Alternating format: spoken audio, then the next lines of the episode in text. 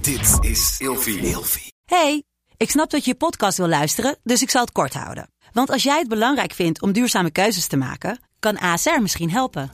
Nou hoor ik je denken, hoe dan? Nou, bijvoorbeeld bij het duurzaam herstellen van schade. Of de premies die we beleggen volgens ons duurzaam beleggingsbeleid. Dat bepaalt waar we wel en juist niet in investeren. Wil je meer weten over welke duurzame keuzes ASR maakt? Ga dan naar asr.nl slash duurzame keuzes. ASR doet het.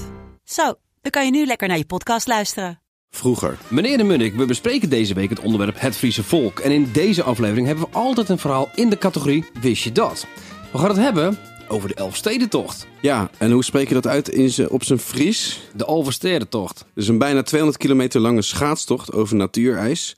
Die wordt georganiseerd door de Koninklijke Vereniging de Friese Elfsteden. Vanwege de afstand wordt het ook wel de Tocht der Tochten genoemd. En ik dacht altijd dat het de Tocht der Tochten werd genoemd omdat je enorm moest afzien in ijzige wind en met eh, ja, temperaturen zwaar onder nul, een onbegaanbaar gebied. Eh, Leeuwarden, de hoofdstad van Friesland, is als vanouds de start- en aankomstplaats. De Bonkenveert. Ja, zeker. Zo heet dat. Ja, wat leuk. Ik ben eigenlijk nog nooit geweest. Ja, ik meerdere keren.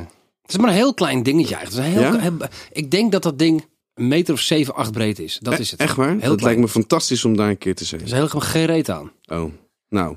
Officieel wordt de eerste Elfstedentocht in 1909 gereden. En dat wordt maximaal één keer per winter gehouden. Ehm, de tocht kan natuurlijk alleen maar worden georganiseerd wanneer het ijs het toelaat. En daarom zitten we altijd in spanning, als er ook maar een beetje ijs is, dat de ijsmeesters het ijs gaan keuren. En dan hopen we allemaal heel erg op dat de, dat de tocht gereden kan worden. Het is helemaal niet zo vaak gebeurd, hè, die nee, tocht. Nee, zeker niet. De laatste tocht was 1997, ik was erbij in Dokkum. Echt Dokkum- waar? eh, Dokkum, het keer, ja, ik, ik ben opgegroeid in Dokkum. Daar heb je het keerpunt.